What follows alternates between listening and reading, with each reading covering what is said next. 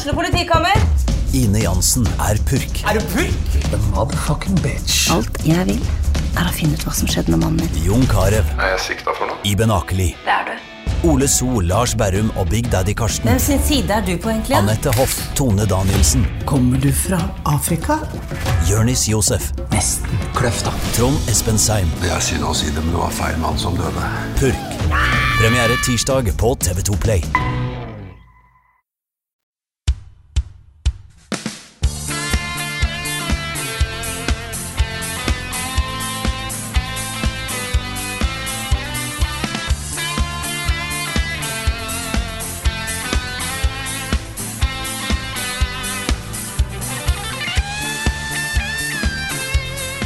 Syns vi egentlig om en Xbox-kontroller dekka i rød og blå pels? Det er jo det store spørsmålet. da. Da kan man jo kose med den, tenker jeg da. Ja, den er sikkert veldig kosete og fin, sånn behagelig å holde sånn i starten, den første dagen. Jeg ser Ja. for meg at du ikke blir like klam som å holde på plastikk. Nei. Avhengig den, den av du- pelstypen, selvfølgelig. Ja, men når du først blir klam, så Ja. kommer den klamlukta til å sitte i kontrollen for alltid. Ja, Ja. veldig hardt. Du kan jo ikke bare putte den i, opp, i vaskemaskinen heller, liksom. Nei, jeg vet ikke om Nei. kan du skifte, kan du skifte liksom trekket på den? Jeg vaskes på 30 grader. Ja, Mm. jeg vet ikke. Nei, Håndvask. Kanskje kun håndvask. Ja, håndvask. Eh, kanskje kan kun ikke- Milo. Kan ikke spise ostepop. Ikke ostepop. Sjokolade er en sånn ting som setter seg i pelsen. Mm. Ja, Med mindre du spiser ostepop med pinner da, og gafler, sånn som vi snakka om så mange ganger før. Som Ja. du skal gjøre. Mm. Nei, dette her er jo rett og slett uh, Det er Sonic-kontrollere. Ja, Ja. det er sånn eh, promoting i forbindelse med Er det den nye filmen? Ja, det er i forbindelse med Sonic 2. Ja. Så da får, du får deg en rød Knuckles-kontroll og en blå Sonic-kontroll med pels. Med pels. Der eh, gleder dere til den offisielle Max Mekker-kontrollen. Eh, som Det er jo ikke bare Sonic-kontrollen. Nei, det er jo ja, Men her er et tips da, til hva man kan gjøre hvis man har lyst til å lage en pelskontroller på egen hånd. Man kan Ja. liksom bare legge den i, eh, på et varmt og klamt sted sammen med masse mat, Ja. som går ut på dato. Mm -hmm. Så får den jo De får jo pels etter hvert. Ja, både pels og sopp. Ja. Ja. Mhm. Kommer til å vokse et uh, frodig uh, samfunn Ja. på den kontrollen. Mm. Og for de som tilfeldigvis har havn... Uh, bare ramla inn i denne her episoden her og lurer på hva i svarte er dette. Dette her er Level Backup. Eh, med meg, Frida Landmo, og med meg i dag har jeg Karl Martin Hogsnes og Rune Fjell Olsen. Og det er godt å være tilbake igjen og ikke lenger være dritsjuk. Velkommen tilbake, Frida. Velkommen tilbake, Frida. Var det Du- korona, eller var det noe annet? Nei, altså 12. mars 2022, på toårsjubileet for nedstenging, så får jeg influensa. Yes. Ja. I hvert fall er er ingen er positive tester ennå. Uansett hvor mye jeg har sittet og eh, eh, brekt meg i dag jeg har prøvd å eh, putte denne pinnen langt ned i halsen. Eh, Off, ja. Mm. Ja. ja, du tar halsen. ja ja, fordi at det er, jeg må, må jo da. Eh, når Jeg det har det hørt at det, at det gir bedre resultater. Ja. Mm. Nei, det Altså, var det, eh, da jeg hadde korona, så slo det ut med en gang. da Det slo ut umiddelbart. Okay. Den, røde, den røde, streken nummer to kom med en gang. Ja, okay. Det, Ja, det men var da, sånn fire streker. ja, det var bare Nei, det var et par dag, kjipe dager med 39 i feber, eh, Ja. så jeg var sterkt misfornøyd. Men nå er jeg eh, så godt som tilbake igjen. Litt hoste som henger igjen, men sånn er det jo alltid. Men Ja. eh, i hvert fall god nok form til at jeg kan eh, gjøre ting igjen. Eh, ikke at jeg har hatt det altfor eh, kjipt. Altså, jeg har jo ikke kunnet spille ting, eh, for jeg var for sliten. Så jeg har hatt ei uke nesten sammenhengende på sofaen der jeg har sett Naruto Shippuden. Ja. Mm. Ja, ikke sant? Fins verre ting. Nei, det har, det har gått greit. Jeg har klart meg. Hvor mange episoder har du sett? Har du, har du lyst til å si det? Ja, eh, jeg har skippa filler-episodene, som er sånn ca. Sånn 20-30 stykker så langt. Eh, nå er jeg på ca. episode 220. Ja, ikke sant? Ja, det er mye, det er mye anime. Ja, det er det. Jeg innser at em, de var ikke så gode på dette her med å opprettholde spenning eh, i episodene i starten. Noen av de er jæklig trege. Ja. Å, fy fader. Det er liksom Nå skal vi se litt på de som står på ei bru. Og nå skal vi se på de fra den andre sida. Og så har vi en sånn Ja. wide shot, og så kommer det litt blad som fer inn i vinden fra sida. Og Og så skal vi se litt nærmere. Så det, liksom, det, det, Ja. det blir jo helt sprø. Det er et forsøk på å liksom dra ut episoden i det uendelige. Fordi de snakker lenge om at de skal slåss, ikke sant? Ja. Det er sånn, nå skal jeg ta deg, ja, men bare vent, fordi jeg har et superangrep som jeg lærte av foreldrene mine, men jeg har Det er sånn, ikke sant? Ja, For det, det, det er jo det som er Jeg tenkte jo at dette her er bare en stereotypi som jeg har eh, ledd litt av, men det er jo sant. Ja. Det er jo det som er det verste. at Den ene, denne her er spesiell her, der de er på ei bru. Der er de i sånn fire episoder før det faktisk skjer noe. Og jeg holdt på å bli helt sprø. Nei, heldigvis ikke. det er ikke så gale utover hvert, etter hvert år. Men jeg er tilbake igjen, eh, så det er det jeg har gjort siden, eh, siden sist. Hvordan går det med dere? Nei, det går bra. Nå Mhm. sitter vi i et relativt rydda kontor. Vi har blitt kvitt det skjeve tårnet av papp. Ja. Pappa er borte. det er borte, og i Ja. dag så prøvde vi TV-en vår for første gang. Oi, oi, oi. Spilte inn et par episoder av Hollow Nick. Det gjorde vi fra yep. kontoret for første Jep. gang. Er det den som står på gulvet bak der? Det er Stemmer det. Mm. Så eh, nå begynner ting å liksom på falle på plass. Det eneste vi mangler nå, er studiomøbler og studioinventar og lamper. Mm. Så, men nå er det arbeidsplass, og nå sitter vi her og jobber og Ja, I morgen så skal en hel bøling fra, av e-sportutøvere fra Telialigaen inn her for å bli filma til en sånn ting. Så mm. da skal vi bruke liksom studio for første gang. da Så det blir, eh, det blir gøy, altså. Komme i Så gang. stas. Det er et hovedspill vi skal snakke om i dag. Det var et spill som jeg hørte det ble kort tatt opp forrige uke, men nå er jeg her. Jeg er i hvert fall klar til å snakke om det. Jeg vet at dere har spilt en del òg i tillegg. Vi skal selvfølgelig snakke om det utrolig søte Tunic. Ja, Tunic. ja fordi etter podkasten så, um, så satte jeg meg ned og så spilte jeg første timen. Det var sånn, Pokker også, det skulle jeg gjerne bare snakka litt om, eh, om forrige uke, men så får vi muligheten til å snakke om det nå, da, som Mm. du har spilt. Og du har, sa nettopp du har akkurat runda det? Ja, jeg runda det på mandag. Ja, nettopp. Wow. Jeg har tenkt på det. Eh, anmeldelsen er ferdigskreven og kommer Oi, i oi, i løpet av helga. Nice. Sweet. Mhm. Så jeg kom meg eh, til, eh, til slutten eh, på, på mandag. Jeg spilte det ganske intensivt, egentlig, fra, eh, fra torsdag, ja, torsdag av til, eh, til mandag. Eh, Hvor langt er det, Frida? Hæ? Hvor langt er det? Cirka? Da er det litt vanskelig å si, ut ifra hvor mye du har lyst til å gjøre. Um, Ja, nettopp, så det er mye optional uh, greier. Veldig mye optional. Uh, Ja, det er nice. Vi kan jo egentlig bare begynne med å snakke litt om hva det er. Uh, Jeg ser jeg har en spilletid på ca. Ja, det står 21 timer på Steam, men det er litt pauser innimellom, så jeg vil tippe sånn Jeg har kanskje sånn 16-18 timer. Ja. Ha. Eh, Jeg har gjort en- mye ekstra greier. Ja, det er en er god chunk, det. Det er en solid chunk. Dette her er jo et veldig koselig spill. Det er jo veldig um, sånn som jeg Sånn som dere tok opp uh, fra meldingen min sist. Det ser jo veldig Zelda ut, uh, men det er jo uh, Soulsvania, dette her. Mm. Så definitivt uh, Souls-prega spill. Det er veldig minimalistisk i måten det forteller deg både historie og mekanikker. Jeg syns de er så søte, de der eh, infosidene du får opp Ja. om, eh, om ting. De er jo liksom en, de er jo en strategy guide fra NES, Ja. sånn For bokstavelig talt. For du går jo rundt og finner sider til denne her instruksjons, eh, dette instruksjonsheftet. Uh, og i starten så viser de deg jo veldig basic ting, sant? hvordan du dodger ting, og et par tips til hva du kan finne og sånt. Men det som er så kult med dette spillet, her, er at etter hvert så er det veldig mye av oppdagelsen din av å, å forstå spillet og hva du skal gjøre, blir en puzzle i at du skal prøve å forstå hva dette instruksjonsheftet egentlig prøver å fortelle deg. Ah. Sånn at hele greia blir en slags eh, Alt blir et, et oppdrag. Det er fordi at eh, du får et I starten så får du en ganske fin oversikt over hva du burde gjøre for å komme i gang. Og etter hvert så er det ikke så veldig mye mer som spillet forteller deg, så du må eh, oppdage ting sjøl. Er- Jeg vil ikke si at det tvinger deg til å, å måtte eh, undersøke og oppdage ting sjøl, fordi at det er så lystbetont, for min del i hvert fall. Eh, så jeg går rundt og undersøker hver eneste krik og krok og prøver å finne alt som er her, for å finne flere av sidene, for å finne ut mer av dette her mysteriet. Eh, jeg bare Det er så stilig at nesten ingenting er på engelsk. For hele Ja, er jo bare sånn derre- mystisk, mystisk sånn uh, tegne... Ikke tegnspråk, men en sånt mystisk eh, skriftspråk som ikke går an å tyde. Mm. Så av og til er det litt vanskelig å forstå hva spillet uh, faktisk hva det gir deg. Plutselig så får du en ting. Her er en sopp. Og så sitter du der bare sånn Jeg har en sopp.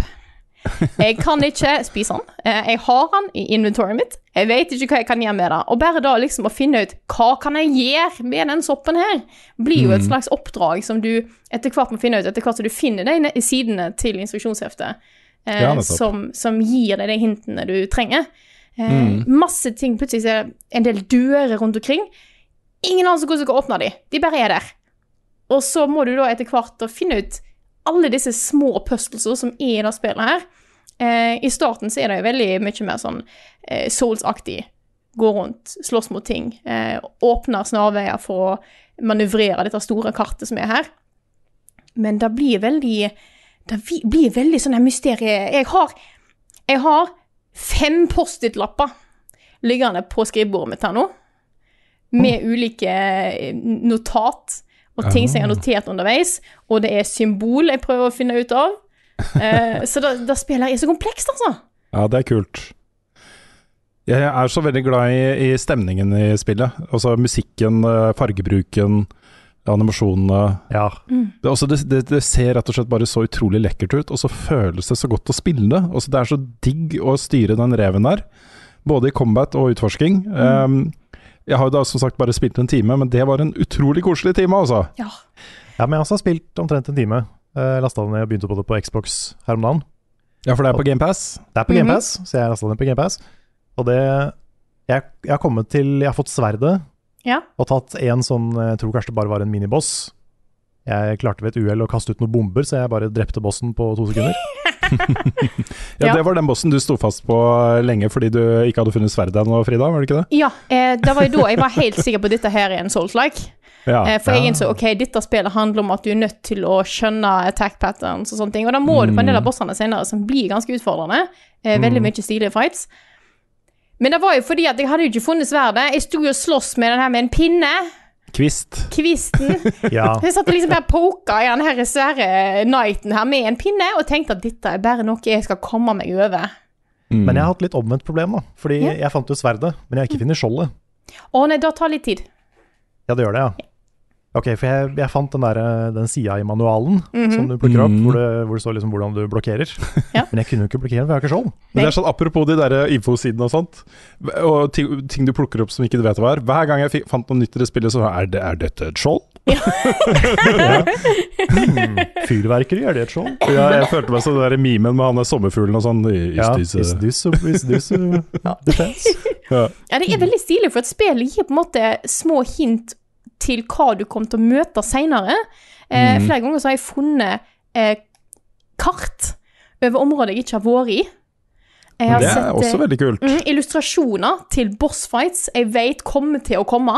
Oi, Ja. Så det er mye sånne ting nå som spillet på en måte spoiler litt seg sjøl. Så du bare sitter der og er litt sånn Du er veldig spent på når du kommer til å komme til det området, hvordan du kommer til å komme der til.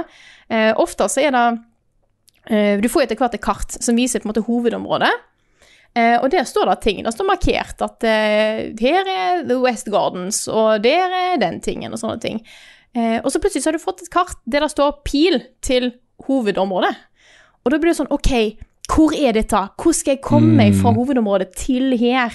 Ja, nettopp. Mm. Så det, er sånne, det er så mange smarte løsninger i dette spillet her, som jeg syns er så kult. Og det er helt klart helt klart det er sånn nostalgibomber, dette her. Både til da å ha et sånt instruksjonshefte som gir deg hint, og viser deg ting som du ikke kunne ha funnet ut av på egen hånd. eh, Ja, står det nummeret til sånn, sånn Kodek-nummer til noen du kan ringe med Kodeken din på coveret? Ja, du må ha, du må ha coveret, da. For det Ja, står bare bak på Det coveret. var, ikke sant? Ja, ja. Ja. Mm. Men så er det jo òg den her eh, Sånn som spill var litt før, da, den at du må du må oppdage ting sjøl, fordi at det, det er ikke så mye historie nødvendigvis som blir presentert. Det er ikke noen dialoger, det er ikke noen lange tutorial-sekvenser. Eh, mye av dette blir overlatt til spilleren sjøl, da. Det er litt sånn som det spillet vi skal ikke prøve å ikke snakke så mye om denne uka her. At du, du plumper bare ned på en verden, og så skal du bare go. Mm. Men det er litt derfor jeg òg relaterer det til at sånn til Souls.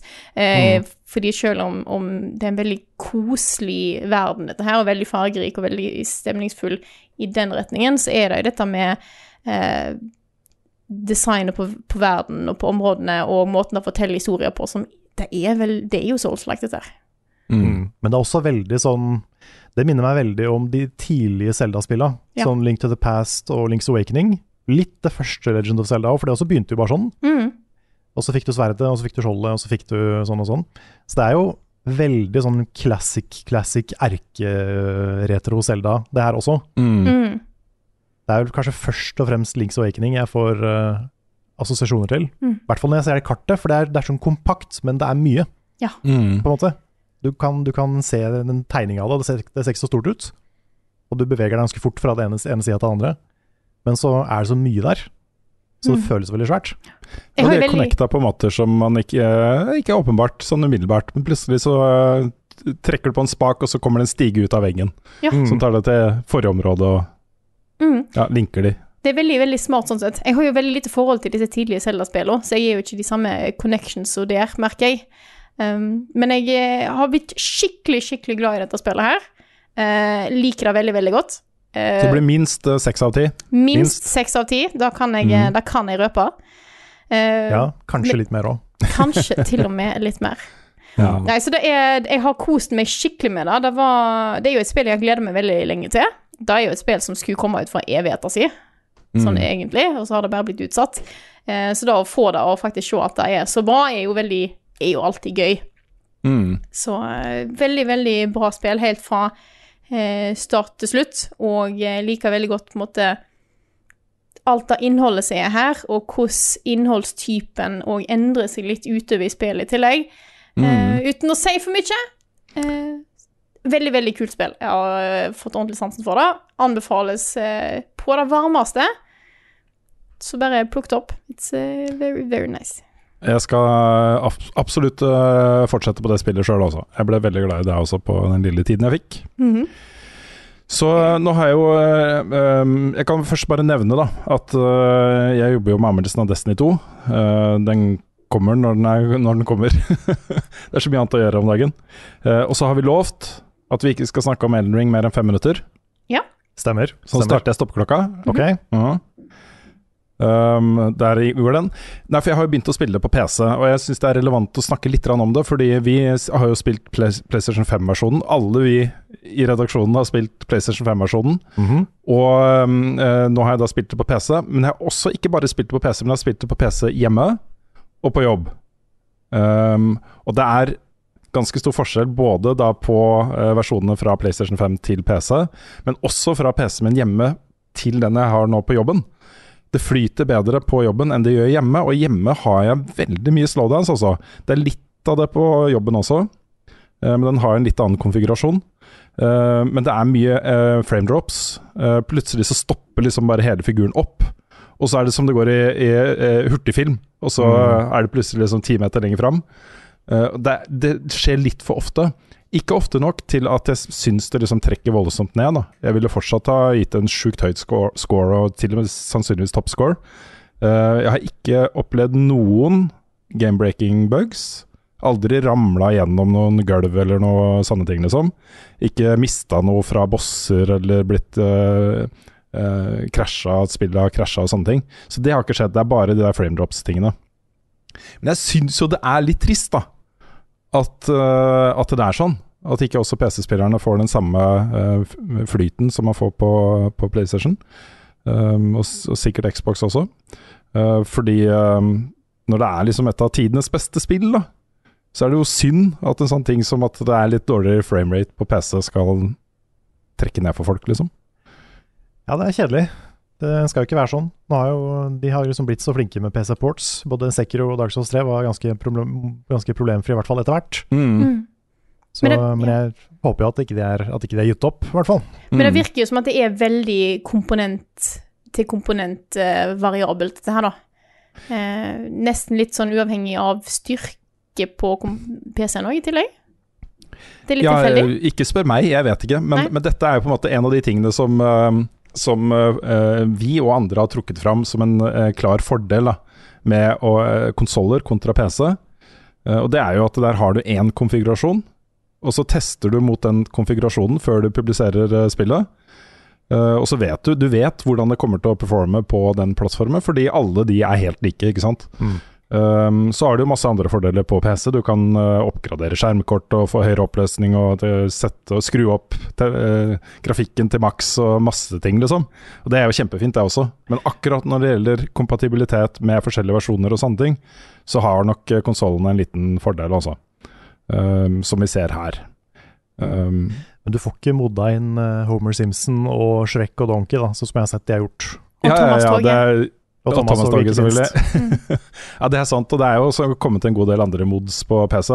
Ulempen er jo at du må spille uh, offline Ja. uh, når du bruker mods på PC. Og det tar bort for mye av opplevelsen for meg. Jeg elsker å gå rundt og lese disse notesa som folk uh, legger inn. det. Er du ikke lei av de tre vitsene FromSoft-fansen har? Nei, nei, nei. Jeg, jeg bruker de aktivt hele tiden. Ja, Det er, det er mange gode tips, da. Sånn, ja det, er, det er det, men du ler du like godt av liksom uh, Try fingers but hold den 40. gangen du ser den. Jeg har til og med lagt igjen en uh, sånn melding selv, jeg. Ja, du har det? Ja. Ja. If only I had a giant but hole. Ja, jeg har lagt inn uh, melding om for en skilpadde, bare 'maybe it's a dog', eller et eller annet. ja, ja det er lov. For det, det er tradisjon å kalle alt for dog. Ja. Mm. Nei da, men det, det, det er mest, mest for å føle at jeg er en del av et connected spillunivers. Mhm. den der Å se disse meldingene, og så lese de, og så står det 'beware left', f.eks., før du Ja, går inn i er et rom. greit. Sånne ting. Jeg syns det er litt ålreit. Det å se disse ghostene fra folk som dør og, og sånt. Det er, det er en del av opplevelsen for meg. Og det, Ja. Når det er borte, så føler jeg at, jeg at det er litt tomt, da. Blir ikke du gå tom for tid nå, forresten? Jeg følger med på klokka. Ja, du gjør det? Ok. Ja, okay, ok. Så, um, så, så det er ulempen. Men det er masse mods. Det er mods for å gjøre lettere vanskelighetsgrad. Vanskeligere vanskelighetsgrad. Ja. Eh, Sette spillet på pause er det en egen mod for. Sant. Men det kan du også gjøre. Ja, jeg har hørt det. er Uten sånn mods. kode. Hvis du går inn på en tutorial. Hvis du aktiverer det fra menyen, så, så pauser spillet. Mm. Så øh, jeg har ikke testet noen mods ennå, men det kan at jeg kanskje skal gjøre det også. Men nå, er målet mitt da, er i hvert fall å få um, øh, alle, alle øh, achievements på PC også. Jeg er godt på vei. Jeg er, nå må jeg valse gjennom spillet her veldig, veldig kjapt. Ja. Så må jeg bare nevne liksom den aller, aller, aller kuleste tingen jeg har oppdaga nå i dette spillet. Det er altså så sinnssykt fett. Bare hør nå her, folkens. Det viser seg nemlig at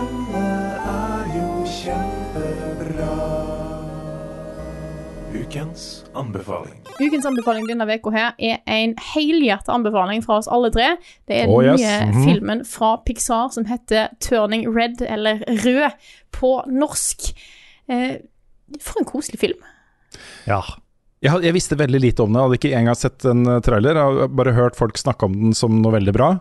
Jeg må innrømme at, eh, at uh, mm, før jeg så den, så trodde jeg Jeg trodde den røde pandaen bare, bare var en metafor for mensen. Ja, jeg òg trodde det.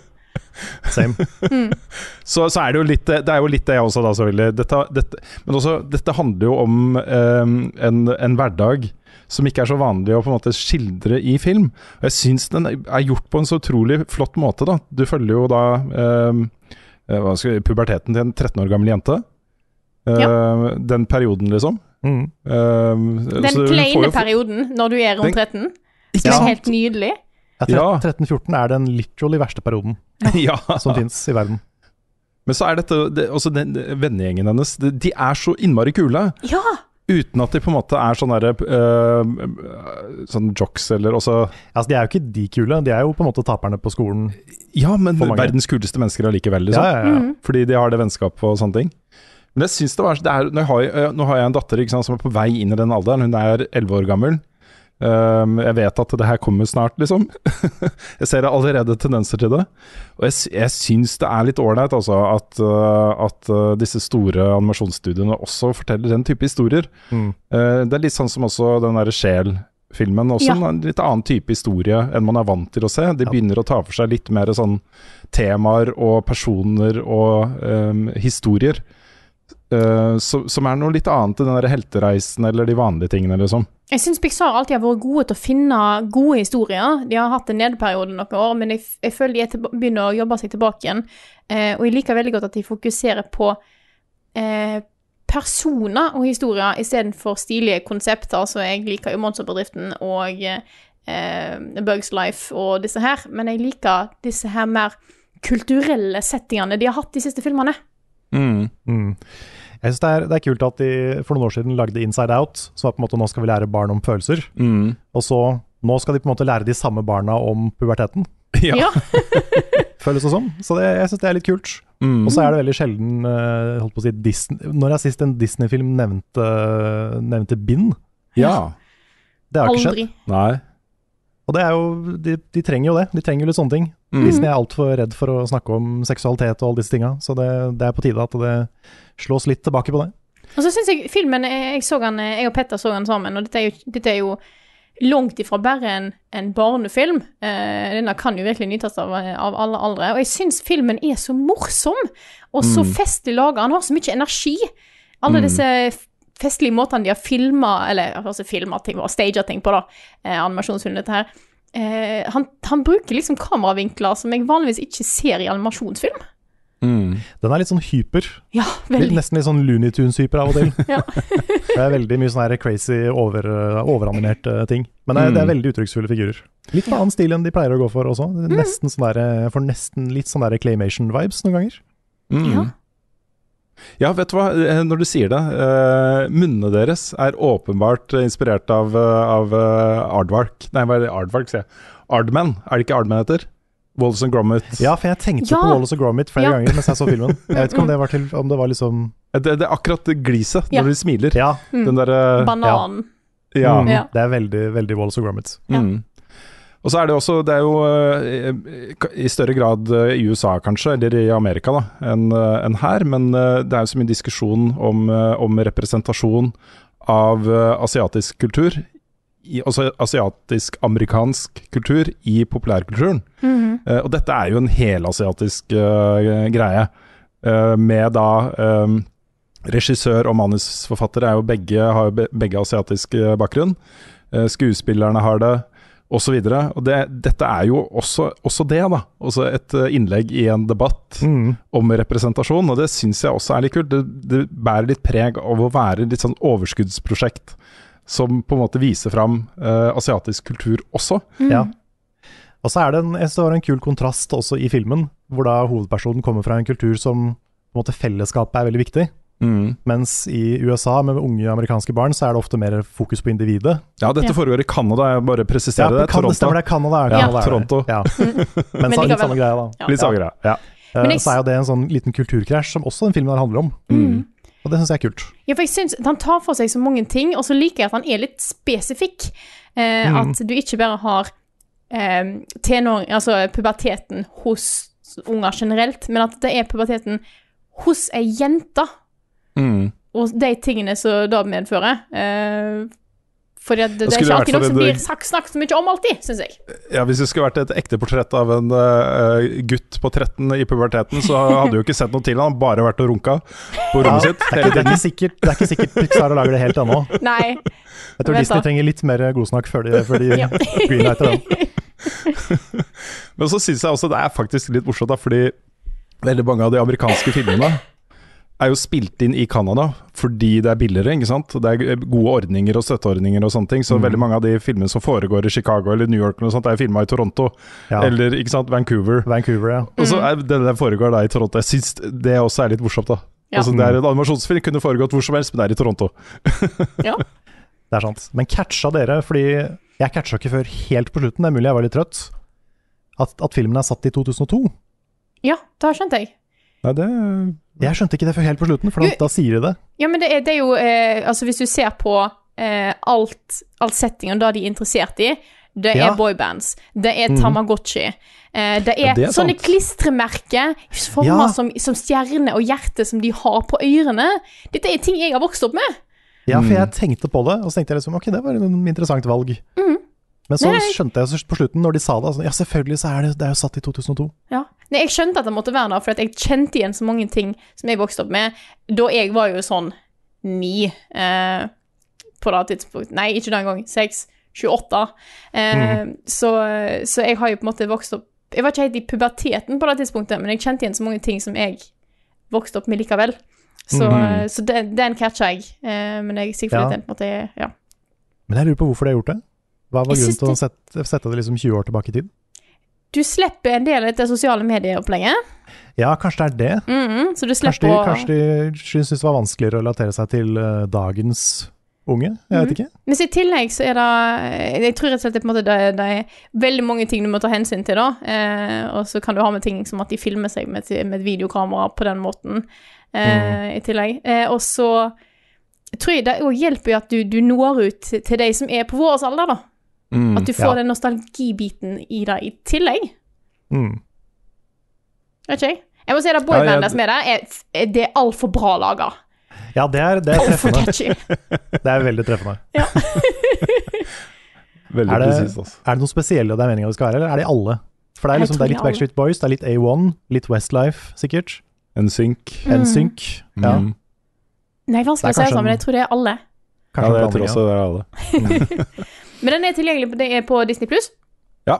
så Trenger ikke betale ekstra for å se den engang. Den bare er der. ja, hvis du allerede betaler for Disney Pluss. Ja, Hvis du allerede, ja. Ja. Hvis du Mm. allerede betaler våre Disney Overlords. Yes.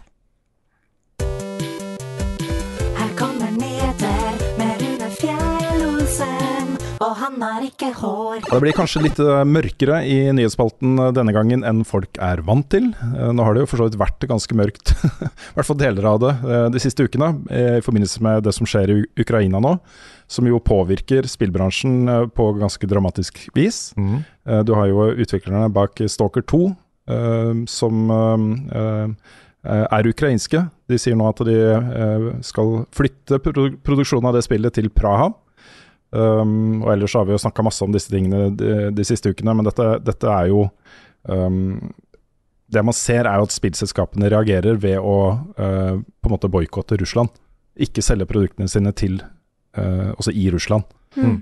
Så, så det er en pågående sak. Vi får bare krysse fingrene for at uh, dette får en løsning snart. For det, eh, ja, det er ikke Det er ganske vondt. Det er rett og slett forferdelig. Mm.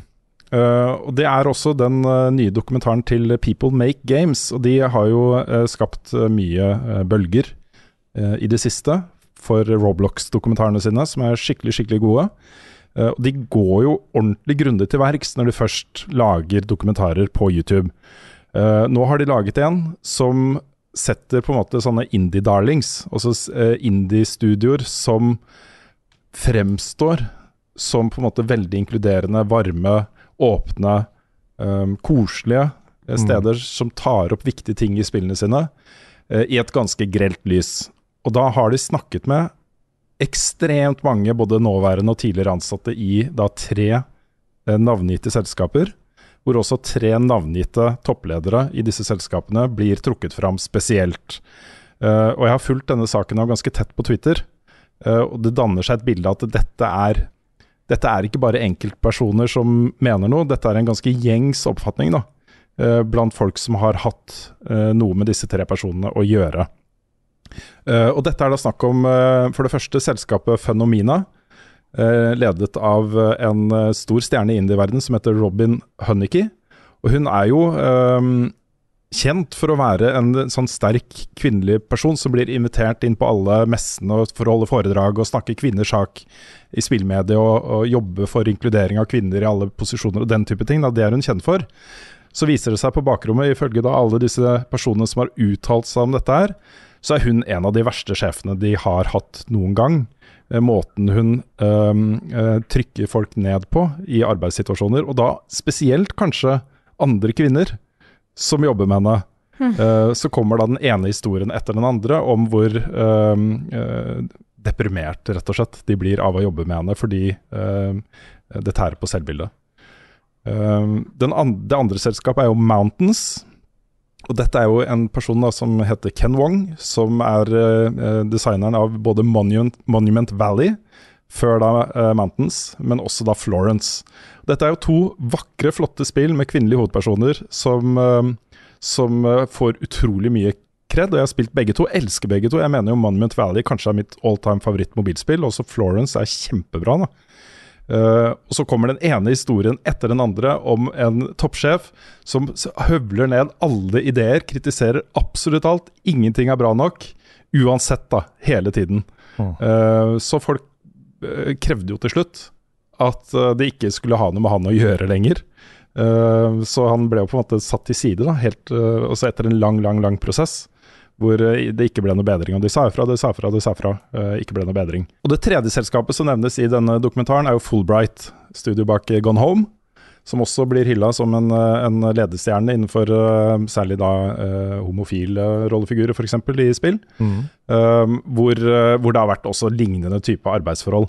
Og det, det, det, som er, det som har kommet i kjølvannet her er jo også Det har jo for så vidt vært en stund også, men det har kommet en lignende type påstander om, om utviklerne av Ori.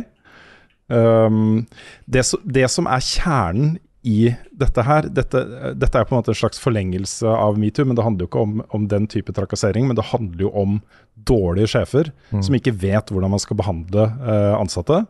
Uh, og som istedenfor å bygge folk opp, bygger de ned. Og så bygger ned selvbildet deres. Får de til å tvile på seg selv, får de til å uh, grue seg til å gå på jobb. føler at de aldri er bra nok. Eh, og får liksom kritikk unødvendig absolutt hele tiden. Da. Mm. Um, Det er nok et element av den der klassiske du skal være heldig Du, du er heldig som jobber i spillbransjen, også kanskje her. Du er heldig som ikke jobber i Ubisoft, men jobber her med oss på gulvet, ikke sant. Mm. Så blir de ja, behandla dårlig av folk som ikke vet hva de driver med. Ja, tingen er at det er, så, det er så mye lettere å forstå, på en måte, eh, konseptuelt, da, når uh, det skjer kjipe ting fra enkelte sjefer i svære studioer, eh, som kanskje blir beskytta hele veien opp til toppen fordi de er kompiser fra gammelt av og sånne ting, liksom. Enn når det skjer i små studioer med kanskje bare ti ansatte, eh, færre enn det også. eh, hvor mye det har å si da, hvis personen på toppen eh, har dårlige mellommenneskelige egenskaper. Som ikke helt vet hvordan man skal lede et team, og ikke helt vet hvordan man skal få folk til å ha det bra på jobb, rett og slett. Eh, og det er en sånn stor kulturkrasj da, mellom det bildet man har av disse studiene, og hvor uh, flott det må være. De som lager så inkluderende, flotte, vakre spill, liksom. Så fint det må være å jobbe i disse selskapene. Og så kommer disse skrekkhistoriene om depresjon og, og alle disse tingene. Ja, jeg er jo veldig glad i eh, Altså, i disse, mange av disse spillene her, og spesielt dette med Moon Studios, treffer jo kanskje hardest fordi jeg er så glad i ord i spillene. Um, men da har det jo kommet fram at Microsoft visste om problemene, og bestemte seg da for ikke være med og utgi det neste spillet til Moon Studios. Eh, så det er helt klart noe som er blitt kjent da, før, uh, før den saken her, eller disse sakene her har kommet ut. Så det er jo bra at, måte, at noen tar et, et standpunkt, da, f.eks. Microsoft, og sier at nei, vi vil ikke jobbe med dere hvis, hvis lederskapet er sånn på denne måten her. Eh, Ja, en Ja. annen aktør som, eh, som eh, kommer ganske dårlig ut av dette, her er jo Annapurna. Som er publisher av eh, både Ja, i hvert fall Mountains. Det er publisher for Mountains. Som mange av de ansatte da sier at når de har tatt opp problemene med de, så har ikke det blitt fulgt opp på en god måte. Og Annapurna er også et selskap som bruker mye energi da, og tid på å forklare liksom, hvor viktig det er at spillene de gir ut, kommer fra riktig sted. Ikke sant? Og da snakker vi uh, ta vare på de ansatte og den type ting også, ikke bare tematikken i spillene. Uh, så det er nok eh, et, et litt sånn større problem enn vi kan få inntrykk av. Dette med kunstnersjeler som har mye på hjertet, og som har mye kontroll da, over disse selskapene de starter opp for å finansiere og produsere drømmespillene sine. Også det de sitter med innerst i sjelen sin, ikke sant. Uh, ikke- nødvendigvis de beste topplederne for selskaper, tenker jeg da. Nei, det er to ganske forskjellige skillsets. Da, jeg har jo nettopp, Nå er det jo litt sånn rart, men jeg har nettopp vært på et todagerskurs innenfor ledelse. Ja, Uh, og en av de tingene som blir tatt fram mye eh, i litt sånn ledelsesteori, er da at de egenskapene du har som gjør at du kanskje kommer langt og kommer fram til en lederstilling, er ikke nødvendigvis de egenskapene som er gode å ha som en leder. Og jeg Nei, det er nok- et godt poeng. Mm, så jeg Det er et veldig godt poeng. da, mm, jeg tror nok det er mye da at du har mange som, har, som er utrolig flinke i jobben sin, eh, og som kanskje ikke har eh, Og som ville vært veldig gode i mange posisjoner, men som kanskje ikke er gode som ledere. De som har lyst på makt, er ikke nødvendigvis de som burde ha det. Det er mange av de har jo på en måte eh, kanskje i utgangspunktet heller ikke lyst på makt, men sånn, ta en person da som, eh, som Ken Wong, som jo blir trukket fram som en sånn ledestjerne innenfor indiespill. Uh, som leder paneler og er liksom eh, toppen på lista på konferanser og den type ting. Da. Um, det, det er jo man, man blir jo litt enabla, da, tenker jeg, av å Ja. bli hylla på den måten. Mm. At man føler, man føler at man kanskje sitter på en eller annen uh, uh, sannhet om hvordan ting er, som ikke nødvendigvis er den riktige. Da. Det er så synd å se at dette her er et så gjennomgående problem. I så Ja, mange Ja, ikke sant. Og så må jeg også nevne at det pågår nå en ganske oppheta diskusjon også i norsk spillbransje om arbeidsforholdene her. Det blir flere som sier at, øh, at Norge ikke er unntatt uh, denne typen problemstillinger. Um, som uh, Den pågår akkurat nå. Og hvis, uh, hvis du har lyst til å få en skikkelig god um, gjennomgang av problemstillingen, og også eh, linka da til norske forhold, så anbefaler jeg den nye episoden av Spillrevyen, hvor Jon Cato har snakka med to personer da, med inngående kunnskap om, eh, om eh, forhold i eh, norsk spillbransje. Uh, veldig interessant, altså. Kjempebra. De har så gode perspektiv på ting, de to uh, gjestene i, i denne episoden. Mm. Den kom ut uh, da um, denne uken her. Anbefales på det varmeste. Veldig god diskusjon også om eh, rett og slett hvordan, hvordan det er å lede og drive et, et lite indie-studio. Eh, hva slags, eh, hva slags eh, hensyn man må ta, og hva slags hensyn som ikke blir tatt. Og hvor, hvor lett det er å komme skeivt ut og ha da um, et arbeidsforhold som ikke er sunt. Så dette er det bra, dette er det, bra det snakkes om også, fordi hvis man ikke gjør det, så fortsetter det å være. Vi skal tilbake til uh, enda også litt kjipe ting, men vi sparer det til slutten av, slutten av nyhetsspalten. Uh, går videre til mer tradisjonelle spillnyheter. Uh, nå har da The Witcher 4 um, blitt på en måte en greie for første gang, sånn offisielt. Ja, blitt teasa av eh, Red, Thread, ikke Red Thread, men uh, CD Projekt Red. CD, CD Projekt Red var det det heter. Ja. Ja.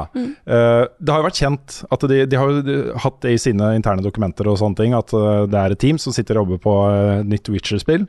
Så, så ingen over, stor overraskelse. Men det er et par eh, elementer inni, i avdukingen som, eh, som er interessant. Det ene er at de ditcher sin egen grafikkmotor, som jo er en av bransjens beste. Mm. Eh, I hvert fall sånn visuelt, da. Eh, det når eh, Cyberpunk 2077 funker som det skal, så ser det latterlig lekkert ut. Eh, men de ditcher den til fordel for da Unreal Engine 5. Og ikke bare det, de skal nå aktivt være med å videreutvikle den grafikkmotoren sammen med Epic. Så, så det er også en veldig spennende ting. Altså. Er, eh, der kan det skje mye gøy. Eh, den andre tingen som er interessant her, er at eh, det eneste man har sett fra eh, da Witcher 4, er jo en medaljong, medaljong i snøen. Uh, og så begynte spekulasjonene med en gang, fordi er ikke det en lynx? Altså det er vel, hva lynx, er ikke det en sånn skogskatt eller sånn Ikke skogskatt, men uh, Dette kan jeg jo. Uh. Gaupa. gaupe? Gaupe. ja. Gaupe er lynx, det stemmer det. Og det som er litt morsomt med det, er at eh, School of the Links er jo ikke en eh, offisiell del av Witcher-universet, men det er noe fan, noen fansen har eh, funnet på. Oi! Så det virker som de kanskje har henta litt inspirasjon fra det. For det er en ganske stor og utvikla fanfic-ting, da. dette med School of Links. Så tydeligvis noen i, i CD Projekt Red som er fans av det. Det høres ut som at forfatteren av Witcher kommer til å bli enda mer happy enn da han Ja, ikke som han, er spiller så, langt. han er så glad for at de spillene er så populære. Ja. Ja. det er også blitt kjent hvem som er game director da, for The Witcher 4. Det er eh, en som heter Jason Slama, som også har jobba uh, tungt da, med både Witcher og Cyberpunk tidligere. Uh, nå er han uh, promotert til game director. Eh, og når han la ut uh, hva heter stillingsbeskrivelser, de skal jo ansette masse folk nå, på Twitter, så fikk han umiddelbart kjeft fordi CD Projekt Red er jo også kjent for kjipe arbeidsforhold og crunch og litt sånn usunn holdning til de ansattes vel og ve. Um, og når han fikk den kritikken, så svarte han bare 'not on my watch'. Da får jeg alltid bilde fra den filmen eh, i hodet. Men uh, uansett, han, han kommer jo med et slags løfte da, om å, at det ikke skal være en del av utviklinga her. Så får vi se om de klarer å holde det. Vi har fått en uh, god gammeldags annen uh, spill-announcement i uka som har gått, nemlig The Quarry. The Quarry. The Quarry, 11.6 kommer det. Dette er jo det nye spillet til utviklerne av uh, Until Dawn Until Dawn. Ja. og The Dark Pictures Anthology. For dette er ikke en del av den.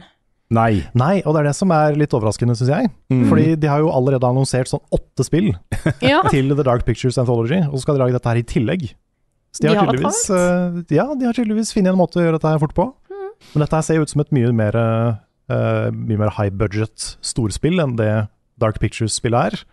Ser ut som det har litt mer Litt mer kjendisfaktor og litt mer sånne ting eh, bak seg. Da. Så det kan kanskje bli et mer fullverdig, stort spill. Kanskje mer humor? Ja, det er jo ganske mye humor i Altså ikke direkte humor, men sånn cheesy Ja, er litt B-filmhumor. tøysete. Det er litt Mm. tøysete. Ja. Ja. Masse sånne skrekkfilmklisjeer og i det hele tatt. Mm. Mhm. Så det, det er jo det de er gode på. De har funnet sin nisje sånn 100 altså Ja, ja, herregud. Fortsatt å bare pumpe på. Ja. Det er kun de som lager sånne spill nå, og det er helt, eh, helt perfekt. Det er det. Mm. Men det er jo Det jeg liker så godt med de, er at de sånn gameplay-messig og konseptmessig så er de veldig veldig like spilla til David Cage og Quantic Dream. Men de har det der glimt i øyet. Det der, 'dette er litt teit', Mm. liksom. Og de, og de vet det. Ja. Og de, ja, de er self-aware på det, og da funker det så mye bedre. Mm. Ja, det er sant, det, altså. Quantic Dream er jo ikke det i det hele tatt. De er blodalvorlige hele veien. Det er jo kanskje ikke én vits i de spilla, liksom. Nei, nei, der er det kunst. Ja, det skal, ikke sant? det er helt der oppe, Ja. uh, og det skal ikke tulles med. Men Nei. her så tuller de med det, og det blir så mye mer gøy, og så, det funker så mye bedre. Og da gjør det ikke noe at det er litt sånn Uncanny Valley, litt rare ansikter og, og sånn, fordi det skal bare være litt sånn Det er ikke så farlig. Mm. Mm. Men det kommer allerede 11. juni, altså. Akkurat som i Until Dawn, så er det jo masse kids, da. Eh, Sånn i slutten av tenårene, så det ut som. Ja. Som uh, alle kan dø, eller alle, alle kan overleve. Noen kan dø. Mm. Uh, Du kan styre alle sammen. Var det ikke noe sånn Det var ikke en summer camp-setting eller noe sånt? Jo, stemmer. Ja, fordi da tok en sånn buss, og så var det en sånn campleder som eh, styrte, da. Og så var det en som sa at ja, men kan vi ikke bare bli her en natt til? Og du ser på han bare nei. Ikke denne natten. Ikke akkurat denne Ja, natten. dette har jeg vært gjennom før. Så hva er det han vet? Ja. Mm. Og så har um, dette, Det er litt sånn ekstra trist, da, fordi dette er jo en serie som folk er veldig veldig glad i. Uh, tradisjonsrik, eh, 25 år gammel serie med masse fans. Uh, Gran Turismo 7 uh, kom jo, ble jo lansert uh, med strålende anmeldelser across the board. Um, og en eh, progresjonsmodell som folk syntes var ok. og så snikinnførte de da, via en patch, at du tjente da mye mindre ved å plassere godt i løp, eh, og måtte da bruke mye lengre tid på å spare opp nok penger til å kjøpe de bilene du hadde lyst på i shoppen. Men du kunne jo kjøpe dem for ekte penger. Ja, hva, var det, hva var det du, du tjente tilsvarende sju virkelige dollar i timen? Ja, det var, det var virkelig en helt annen type progresjon, da. Ja. Uh, som, eh, som gjorde det nok uh, Hva skal man si? Lysten til å grinde eh, mindre hos folk. Eh, og også den derre Få bruke en hundrings, da. For jeg har lyst på den bilen. Eh, Mm. Men jeg har ikke lyst til å sitte i to dager og grinde etter den, liksom. Mm. Det, det er så uredelig, altså, å innføre det rett etter liksom at spillet er lansert og anmeldelsen er ute, og du kan lage disse hype-trailerne med sitater fra anmeldelser og sånne ting, eh, og så innføre dette her. Hvis, hvis dette hadde vært i den versjonen jeg spilte og anmeldte, så ville jeg ha nevnt det i anmeldelsen. Jeg er ikke sikker på om det hadde påvirka scoren min, jeg ga det terningkast eh, fem. Mm. Men jeg ville i hvert fall ha nevnt det, for dette er relevant forbrukerinformasjon, og uansett om det er en anmeldelse eller ikke, liksom. Ja. Mm. Dette er sånne ting som folk bør vite om. Ja, og tenk på alle de folka som allerede har kjøpt spillet, Ja. kommet godt i gang med sin eh, da, progresjon, ikke sant. Og så kommer dette her. Mm. Plutselig blir det mye seire. Jeg skjønner at folk er pissed, det er utrolig uspekulert Ja. å designe Ja. et spill på den måten her. Nå får jo Sony og Polyphony sjukt mye kritikk også, da. Det er jo det dårligst scora eh, i brukeranmeldelse på Metacritic eh, som Sony har hatt noen gang, av noen Mm. spill. Um, en sterk kontrast da til uh, anmeldelsesscores, som jo er veldig høye. Ja, Det er ikke så ofte dette her skjer, men det har jo skjedd før. Ja. Det skjedde med Crash Team Racing, Mhm. mener jeg husker, og også et Call of Duty-spill. Lurer på om det var det nye Modern Warfare. ja, akkurat det husker jeg ikke. Crash husker jeg. Ja, Men det var i hvert fall ett av Call of Duty-spillene som Ja. det også skjedde med. Mm. Og det, Og det ja. det går jo ikke bra. Det, altså det, jeg vet ikke om de tjener på det i lengden, eller om Nei. det er såpass bad PR at det faktisk skader dem. Det kan ikke være bra. Jeg liker uttrykket. Dette her er shady AF. Ja, det er shady AF. Ja. Mm. Det er det. Det, det, det her, vi er jo litt sånn over i pay to win-diskusjoner også. Jeg ser Lost Ark er jo en voldsom uh, greie der, de også. Hvor de har da tilbudt muligheten til å kjøpe progresjon for Mm. ekte penger, hvis ikke du har tid da, til å gjøre all den grinden som skal til for å komme deg opp i level. Uh, Destiny 2 The Witch Queen, når du får én karakter opp til uh, raid-klart nivå, så kan du kjøpe de to andre karakterene dine opp til uh, 1500, nesten raid-klart nivå. Jeg gjorde det, jeg gjorde det. Men det er, jeg er jo typisk Det er sanne som er i det jeg mynta på, ikke sant? Mm. For jeg hadde lyst til å ha de raid-klare, sånn at jeg kunne raide med tre karakterer istedenfor én. Men jeg hadde ikke lyst til å gjøre den grinden for å få de opp dit. Selv om det bare hadde vært noen timer, da. Så syns jeg det var verdt å bruke et par hundre kroner på det, liksom. Men, øh, men dette er liksom Det påvirker jo også på en måte spilleopplevelsen for de andre, ikke sant. Eh, De som bruker da tiden på å grinde. Um, det er jeg, jeg, jeg er ikke noe fan, altså. Jeg er ikke noe fan. Nei, det er, det er bad feelings all around. Det er sånn De som bruker penger, føler seg ofte skitne etterpå. Ja, De som ikke bruker penger, er sure, fordi Mm. de må grinde mer. Det bør heller være sånn derre Hvis du kunne bevise at du har dårlig tid, Ja. lite tid Send inn et skjema. Send et skjema, ja. Men Ja. Det, det kan være sånne faktorer. ikke sant? Har du barn, hvor gamle er de? Mm. Eller bare ha en knapp. Ok, vi ser at du har uh, nådd raid level i Destiny. Ja, Trykk på den knappen her, så får du de andre karakterene dine opp på samme nivå. ja Problemet vet du, er at hvis du gjør det, så altså Det å grinde i et MMO er jo en del av opplevelsen. Det blir ikke like gøy å spille. Du får ikke den der tilfredsstillende følelsen av å bli raid-klar med karakter nummer to. Men får du det å kjøpe da? Nei! Nei.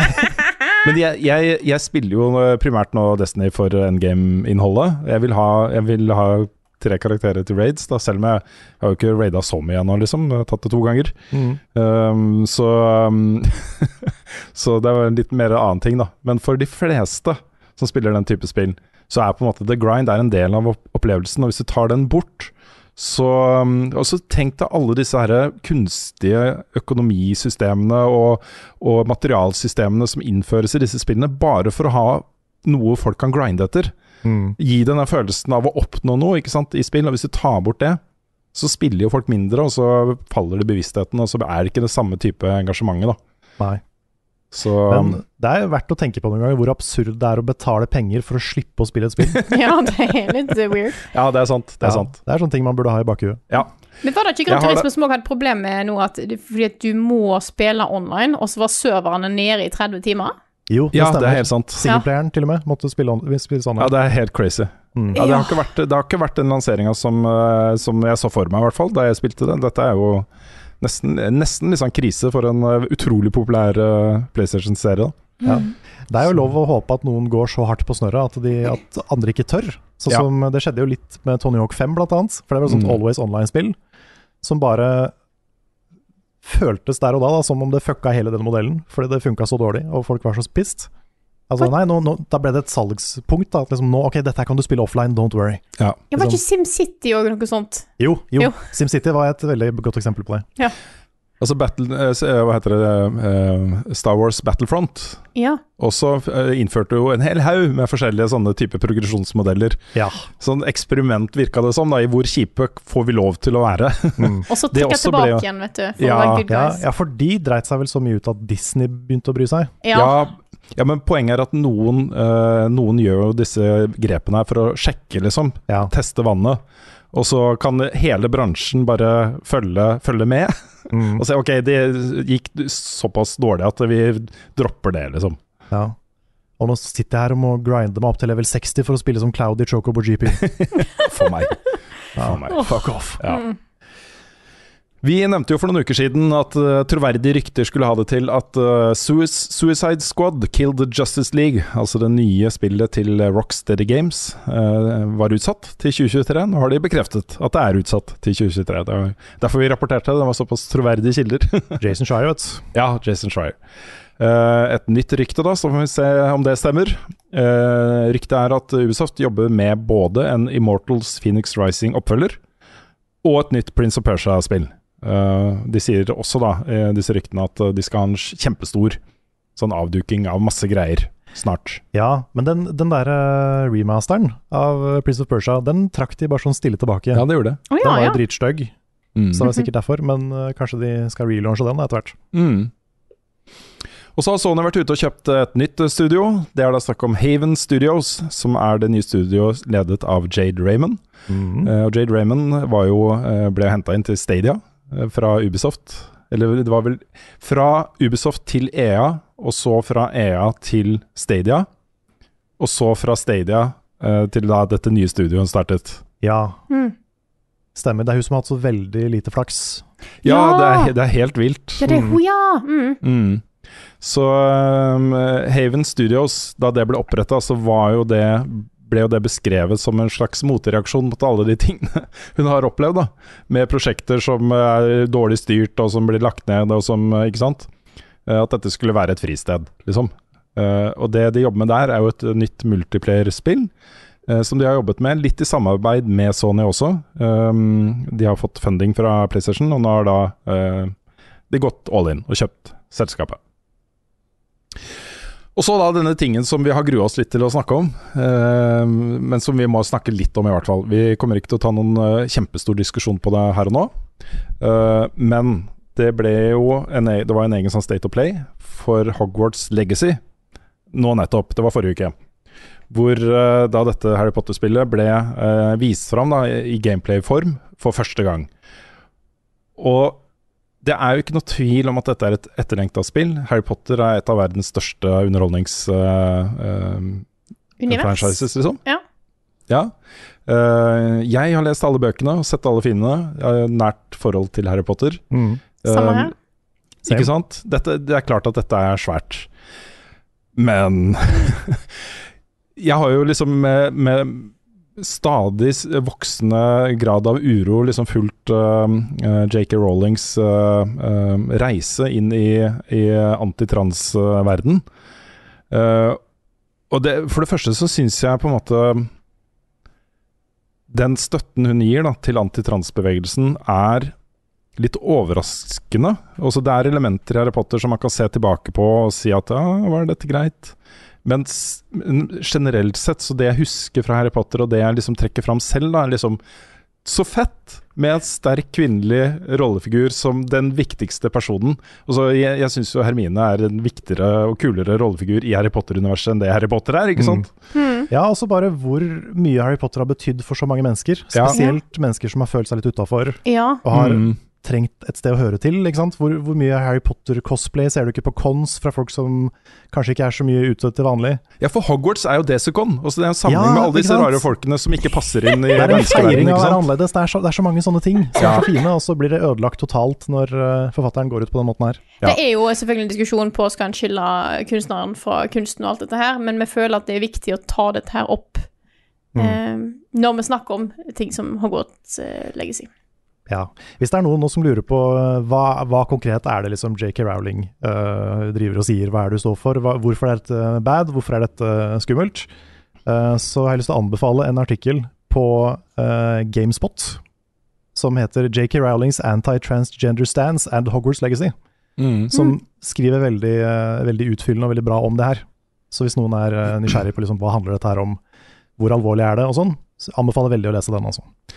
Altså kjernen, kjernen i det som jeg syns er problematisk med antitransbevegelsen, er jo at, at øhm, det er en mangel på aksept for at, at på en måte folk er forskjellige. Altså, for, øhm, det, det, det er ingen som velger å bli trans, liksom. Det er noe de føler de er, da.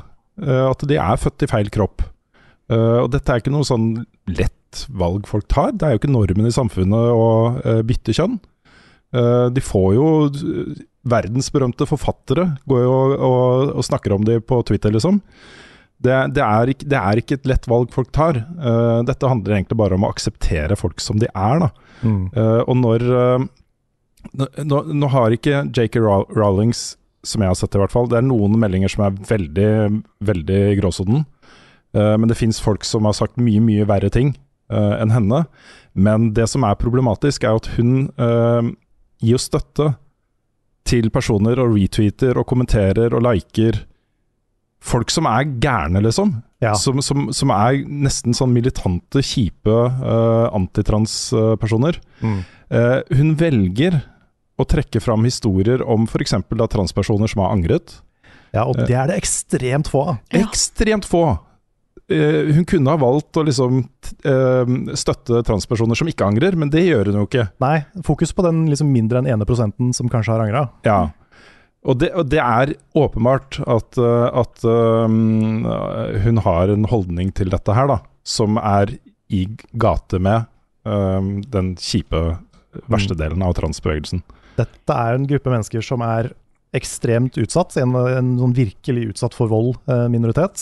Eh, og mange av disse folka som hun da booster uh, og er enig med og trekker fram på Twitter bl.a., i sosiale medier rundt omkring, det er jo folk som aktivt gjør livet skumlere for dem. Ja. Som, eh, som jobber for at de ikke skal ha rettigheter.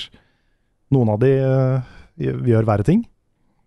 Og det, det Det har så mye å si, liksom. Det er, det er ikke bare snakk om å være uenig om en sak, for det har reelle konsekvenser. For liv og for helse og sikkerheten til folk, liksom. Mm. Og det, ja. det er det som gjør det så alvorlig, da. Altså trist. Ja. I hvert fall når, når den dama har et så massivt publikum som hun har, da. Og dette spillet her eksisterer ikke i et vakuum.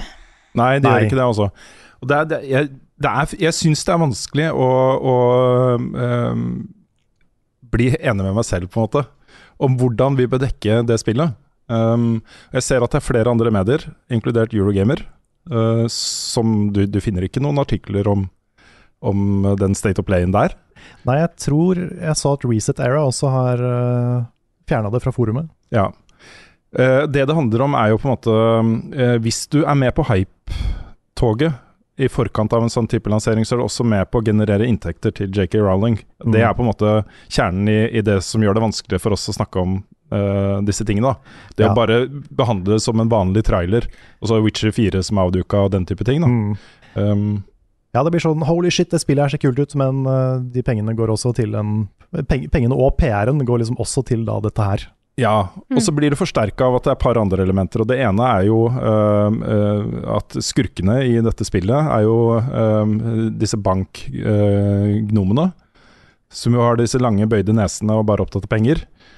Øh, som hun har fått kritikk for, da, i hvert fall filmene. De er ikke beskrevet akkurat på samme måte i bøkene, men i filmene så, så er, følger du jo litt de der jødiske, rasistiske uh, stereotypene. Um, og så har du jo også, Dette foregår jo på 1800-tallet, hvor det da var helt vanlig å ha um, disse husalvene som slaver som var på kjøkkenet og lagde maten din og fiksa, uh, vaska og, og sånne ting. Som blir uh, I hvert fall det vi så, da. Um, litt sånn Det var et element av verden, ikke noe kritikkverdig. Og i filmene og bøkene så er jo den frigjøringen av Dobby er jo et sentralt element, ikke sant? Mm. Mm. Nå, nå blir det veldig, det blir veldig Jeg syns det, det er vanskelig å snakke om disse tingene, men det er, liksom det er kjipt. å- Det, det er mye vi heller har lyst til å snakke om. Liksom. Ja. Jeg, for meg personlig, um, når det gjelder, når det gjelder liksom spørsmålet rundt transpersoner og, og personer som føler seg som noe annet enn norma, normen, liksom, altså heterofil, hva det skulle være. La nå folk få lov til å være seg selv, liksom. Det påvirker ikke livene våre i det hele tatt. Eh, og disse her, uh, trusselbildet om at de skal invadere alle toalettene våre og uh, badene, offentlige badene våre Ja. og den type ting. Det er bare tull! Ja, Jeg har fordi vært- det, På så mange er- plasser der det er unisex-toalett, og det har Ja. aldri vært et problem. Nei. Nei, nei for det, dette er noe av det stygge med da denne turf-bevegelsen, som den ofte blir kalt. Uh, med den derre framstillingen av transkvinner da, spesielt, som menn som er skumle og ute etter dem. Ja. Og det er en så utrolig stygg framstilling. Ja, det, det er, det stemmer ikke med virkeligheten. altså. virkeligheten. Jeg, jeg, Og den, den går igjen veldig mange ganger. ja, Jeg kan ikke skjønne at samfunnet vårt ikke har kommet lenger. For dette er jo, det er jo de samme Det er mange av de samme argumentene som har dukket opp eh, som, som dukka opp når det var snakk om homofiles rettigheter. Ja, det Men er har- akkurat samme garderobediskusjon om homofile for 20 år siden. Vi har vært igjennom dette her. Hvorfor er Mm. Ja, vi så det jo- ræva på, på, på eh, historikk?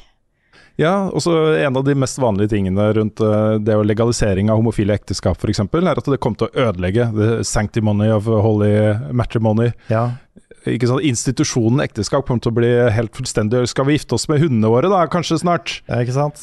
Det er sånn, kanskje mind your own fucking business. Ja, for det, det har jo ikke skjedd en dritt med ekteskapet som institusjon, annet enn at den har blitt uh, inkluderer flere. Mm. Dette er en sånn type fairmongering hvor de skaper problemstillinger som ikke egentlig fins, Ja. for å da eh, nekte folk de er skeptiske til eller eh, redde for rettigheter. Jeg tror det er veldig tydelig hvor vi står i denne saken. her. Ja, ja, det- Eh, det jeg tenkte vi skulle prøve å uh, uh, dra oss litt i land her. Um, Mm. Vi vet at dette er spill som veldig mange er veldig gira på. Eh, Ja, og da eh, eh, vi skal ikke sitte her og måtte, si at du ikke har lov til å være gira på det, eh, men vi må ta noen valg i vår dekning av dette her, for det er et litt viktig, bevisst valg vi må ta eh, som Ja, det- journalister. Det er noe vi til å Vi har diskutert mye allerede, og kommer til å diskutere mer, helt sikkert. Ja, det er ikke sikkert, Jeg har ikke noe fasit på dette her, altså. Jeg, har, jeg vet liksom ikke hva som er den riktige måten å gjøre ting på. Nei. Nei, for meg personlig, det er, det er nok lettere for meg uh, dette her enn det er for noen andre. Um, det, det å kutte Harry Potter ut av livet sitt, rett og slett, for det har jeg gjort. Uh, og det er, jeg var glad i de bøkene og filmene, men jeg vet at det er andre som har hatt de som en mye, mer, mye større, mye mer personlig uh, kjærlighet da, enn det jeg har gjort. Eh, så for meg så har ikke det vært så vanskelig, men jeg skjønner at det er vanskeligere for noen enn det er for andre. Mm. Eh, Det viktigste er at man vet hva man støtter, hva, hva pengene går til når man bruker penger på det. Eh, Også hva, eh, når man eh, signalbooster det i sosiale medier, hva, hva det kan føre til. Mm. Bare vær bevisst på det, og ta en vurdering. Det, og den vurderingen får være opp til hver enkelt. Ja, og vi, vi kjenner jo personer, vi, som er fryktelig glad i Harry Potter, og som gleder seg til spillet. Ja da. Eh, og det er helt greit. Jeg Ja. dømmer ingen. Ingen for, at, ingen for det i det hele tatt. Um, akkurat når det gjelder dekking av spill på denne måten, med nye trailere, og de nå viser fram ny gameplay og sånne ting, så er man også, i tillegg til at man rapporterer nyhetene, også en del av et hype-maskineri som er der for å generere uh, interesse og penger, da, i, til syvende og sist. Uh, så sånn som jeg ser det, jeg kommer nok til å anmelde spillet. Men mitt forhold til JK Rowling og hennes holdninger kommer til å være en ganske viktig del av den anmeldelsen. Det Er sånn som jeg ser for meg måten jeg kommer til å dekke det spillet her på. da. Mm. Så får vi se hvordan det blir når det lanseres. Det er, det er vanskelig å skille henne fra Harry Potter. Ja. Ja. Og så hadde det vært veldig rart hvis vi ikke snakka om det. Altså, dette er ting vi diskuterer mye på bakrommet. Mm. Uh, vi tenkte det var greit å løfte den diskusjonen litt ut også. Um, så vi uh, ber om forståelse for at, uh, at eh, dette er en komplisert eh, sak for oss også, eh, som vi har sterke meninger om. Ja. Det er helt sikkert også folk som sitter og hører på nå, som har sterke meninger om det. Eh, mm. Ber om at folk er snille mot hverandre i kommentarfeltet og sånne ting. Ja. Um, men, men ja. Det er, det er vanskelig. Transkvinner er kvinner. Det er kanskje det viktigste. Og, eh, Og transmenn er menn. Og transmenn er menn. og diskriminering er ikke ok.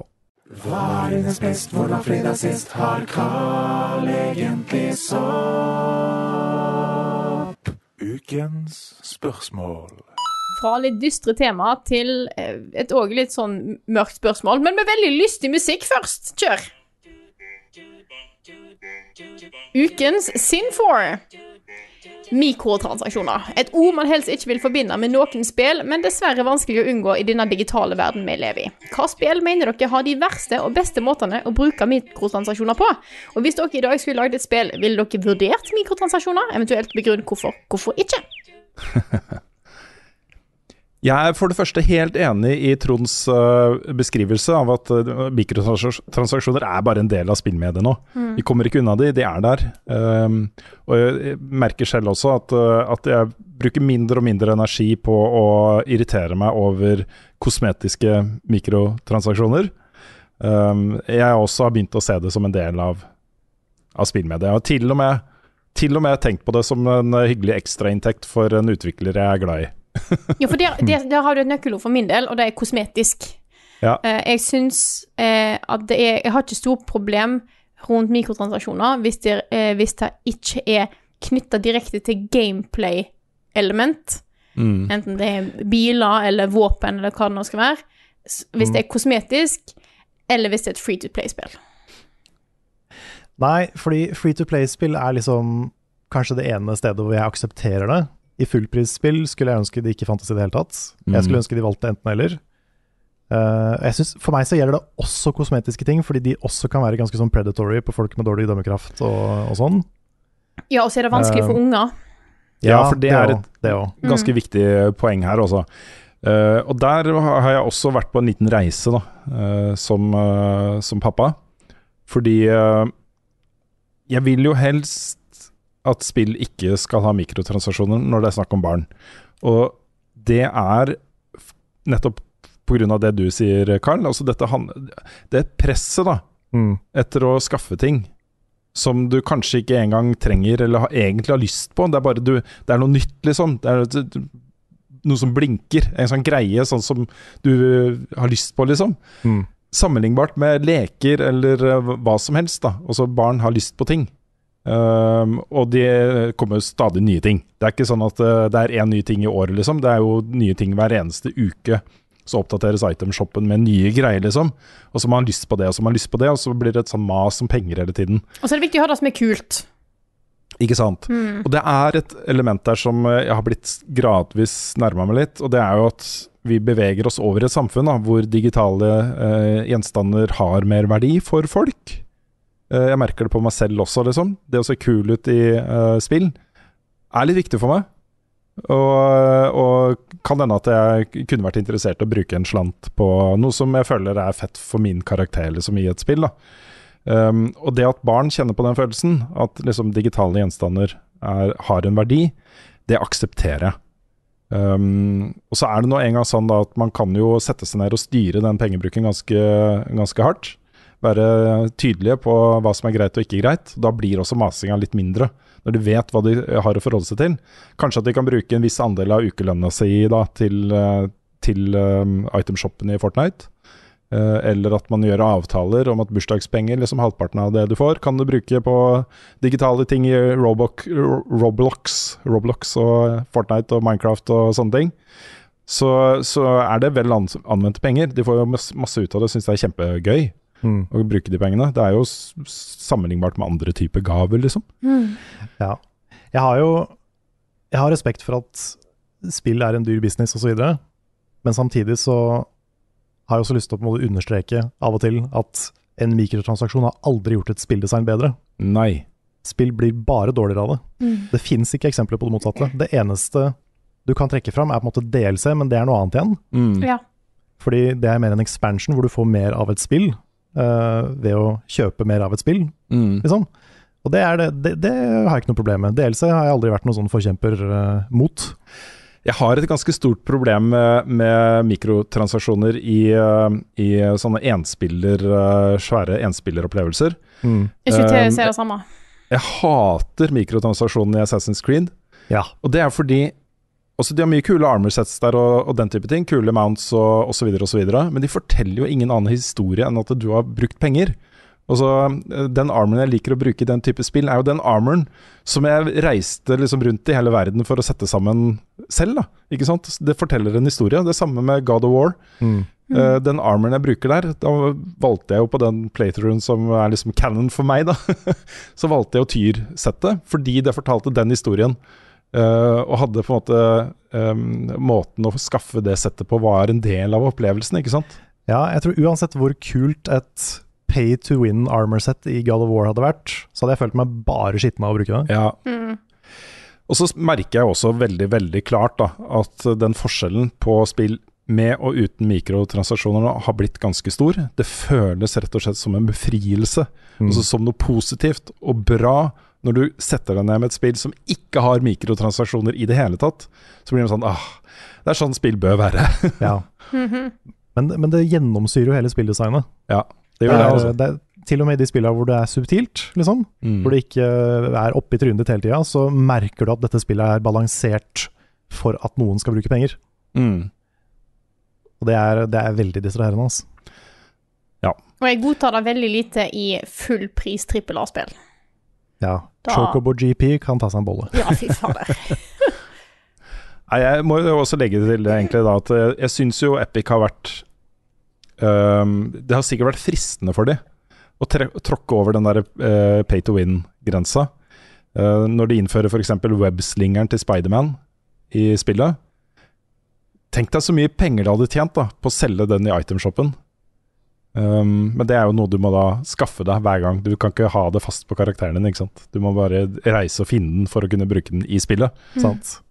Men jeg tror også, da bare, det kan hende dette er naivt, men så for å tenke litt sånn businessmessig på det Tenk på alle de spillerne som hadde rage-quitta når alle fløy rundt med sånne fuckings webslingers og de ikke hadde. Ja, fy faen. De hadde jo mista en del av spillebasen også. Ja, det hadde nok det. Det hadde nok det.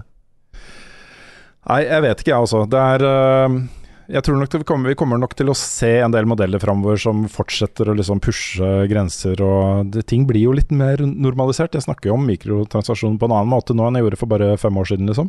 Mm. Men jeg, jeg syns det er bra at det er pushback. mot Ja. de, de fæle Ja. uh, versjonene av det. Egentlig de fleste versjonene av det, da. For Mm. de fleste versjoner er jo fæle versjoner. Um, og det syns jeg, er- jeg synes det er bra. Jeg håper at folk fortsetter å heve stemmen når det ikke er greit. Mm. For det er jo, ellers så blir det i hvert fall ikke noe forandring. Det er sant. Så Mhm. selvfølgelig å gjøre det på en konstruktiv måte og ikke sende trusler og sånne ting, det, Mm. det er viktig, men, men å si fra. Ja. Det er det eneste man kan gjøre. Si fra enten med stemmen eller med lommeboka. Yes. Skal vi ta eh, neste spørsmål? Ja. Har du et, på.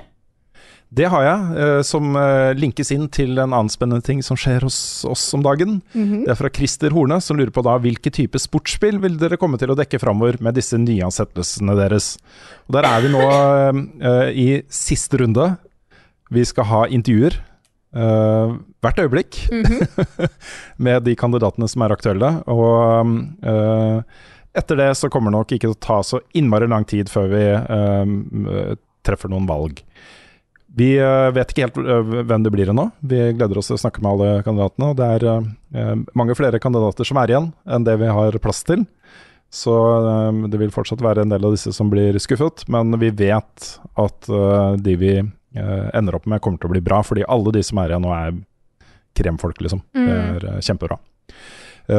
Og når det gjelder sportsspill, så det vi ønsker oss, er jo en sportsspillanmelder som ikke bare liker Fifa, eh, som har litt kunnskap om sport generelt, Mm. og som kan trekke noen linjer mellom da sport fra virkeligheten inn i sport fra spillet. Uh, og, og si da f.eks. om uh, LeBron James, eller hvem det skulle være i basketball, blir fremstilt på en riktig måte i spill. Også Mhm. et veldig dårlig eksempel, kanskje, men Hvor Kanskje kjenner- logisk Mario Strikers er, og hvor Ja. det, Ja, det er ikke sportsspillanmelders bord. Det er mer de derre seriøse forsøkene på å representere en sport. ja, ja, ja, ja. Ja, men tenk litt så hvis du kan anmelde WWF, eller E heter det nå, mm. eller NHL eller NFL eller alle de andre bokstavene. Ja. Mhm. Det er utrolig mange sportsbokstaver. Det er fint å kunne MSN, anmelde alle sammen. MSN og Ja. AG3 og Nei, jeg, jeg tror hovedtanken er at vi skal i hvert fall ta for oss de største utgivelsene. Um, det blir sikkert ikke sånn 40 i løpet av et år. Stakkars anmelder. Uh, men det blir i hvert fall naturligvis Fifa. Um, Og så uh, noen av de andre viktigste greiene. Det vil jo er du- avhenge av hva anmelderen er interessert i å spille sjøl òg. Absolutt. Mm. Så, men poenget er rett og slett å bare ha en sportsspillstemme som, uh, som er glad i sportsspill, og som har lyst til å snakke om de, og som kan snakke om de på en inf informert måte. Så, um, så det, det blir veldig fint, altså. Veldig Mm. fint å få noen som er uh, glad i det. Det trenger vi. Yes. Uh, når det gjelder de andre stillingene, så er det også sykt gode kandidater der. Jeg vil jo bare nevne da, at det er jo uten tvil uh, potetstillingen. Altså den uh, stillingen som skal på en måte ikke avlaste oss, men utfylle oss. Og uh, hjelpe oss med å tette de hullene som vi får. Uh, det, der, der var det mange, mange, mange søkere. Ja.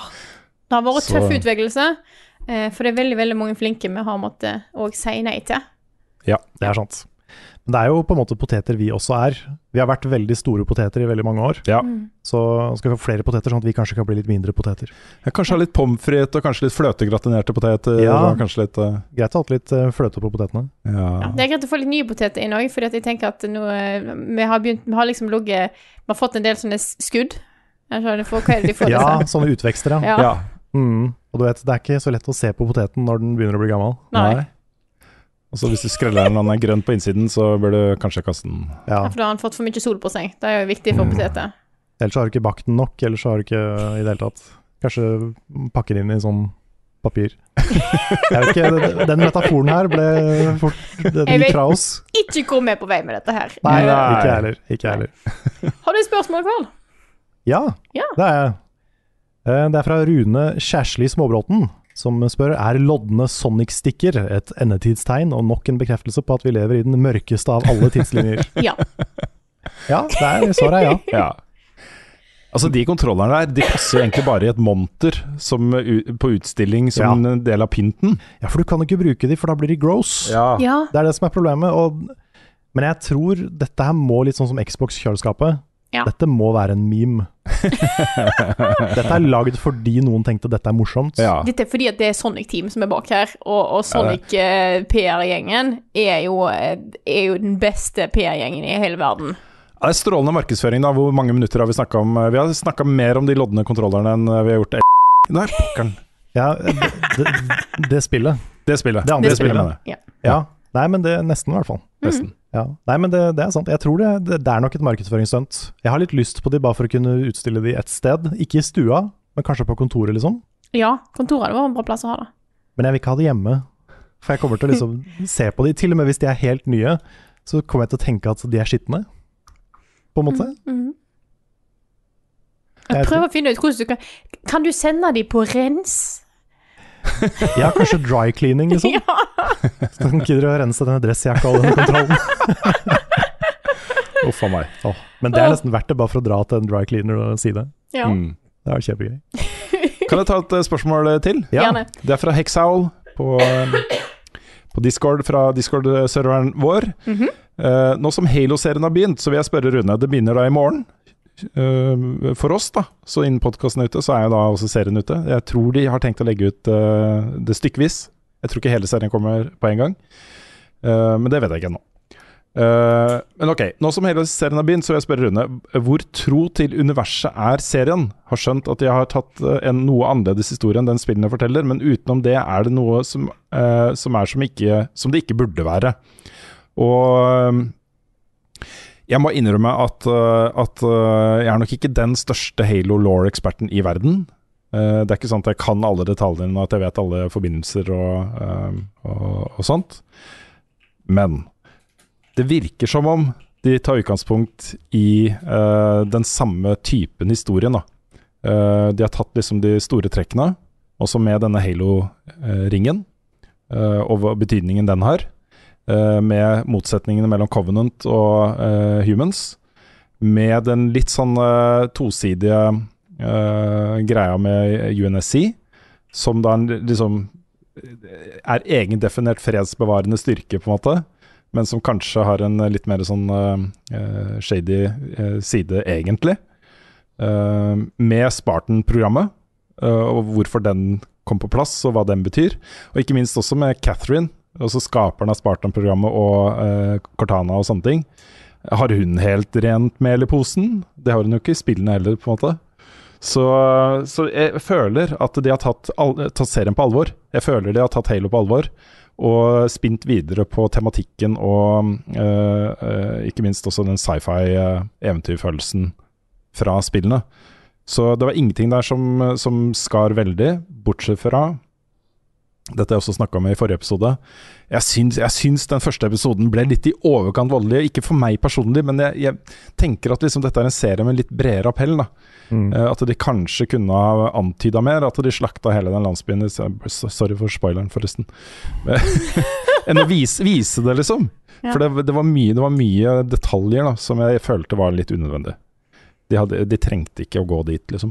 Eh, litt skuffa over at de gjorde det. Men eh, Men jeg, men jeg samtidig jeg så blir jo eh, så blir, ja, Sorry, men jeg vil bare si at eh, som en forlengelse, samtidig så blir jo disse Covenant-styrkene litt skumlere, da.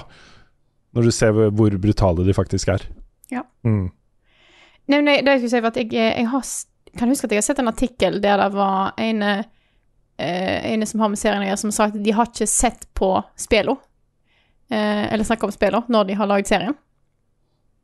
Ja, jeg mener jo det sånn i utgangspunktet er litt riktig måten å gjøre det på, da. Mm. Eh, De har jo hatt consultants, altså 343 er jo involvert i utviklingen av denne serien, og de kan jo Halo inn og ut. Selv om de ikke skapte serien, så har de forvalta den nå gjennom tre hovedspill. eh, Og består jo ikke minst også av Halo-fans. Også den, det selskapet ble jo grunnlagt av folk som var fryktelig glad i Halo-serien, i hvert fall mange av de i sentrale posisjoner. da. Eh, og så De prøvde å finne de riktige personene til å ta med seg liksom Halo-serien videre etter at Bungie trakk seg. Um, så så de, de har jo folk på teamet som vet hva Halo-lauren egentlig er. så selv Ja, ja. om de ikke har sittet og sett på spillene, så, så vet de jo det, liksom. Ja, jeg mente det ikke nødvendigvis noe negativt. Det er jo bedre å, måte, å lage en serie som er eh, god i seg sjøl, enn å prøve å bare gjenskape historien fra spillene. Eh, Ja, og noen ting så, så føler jeg liksom TV-serien kanskje gjør hakket bedre også. Det er jo um, sånn som Cortana, som jo er en utrolig viktig rollefigur. Uh, det er jo AI-følgesvennen på en måte til, uh, til Master Chief. da. Mm. Um, det tar jo ga eh, ganske lang tid i serien før, før utviklingen av Cortana blir sånn skikkelig eh, studert. da.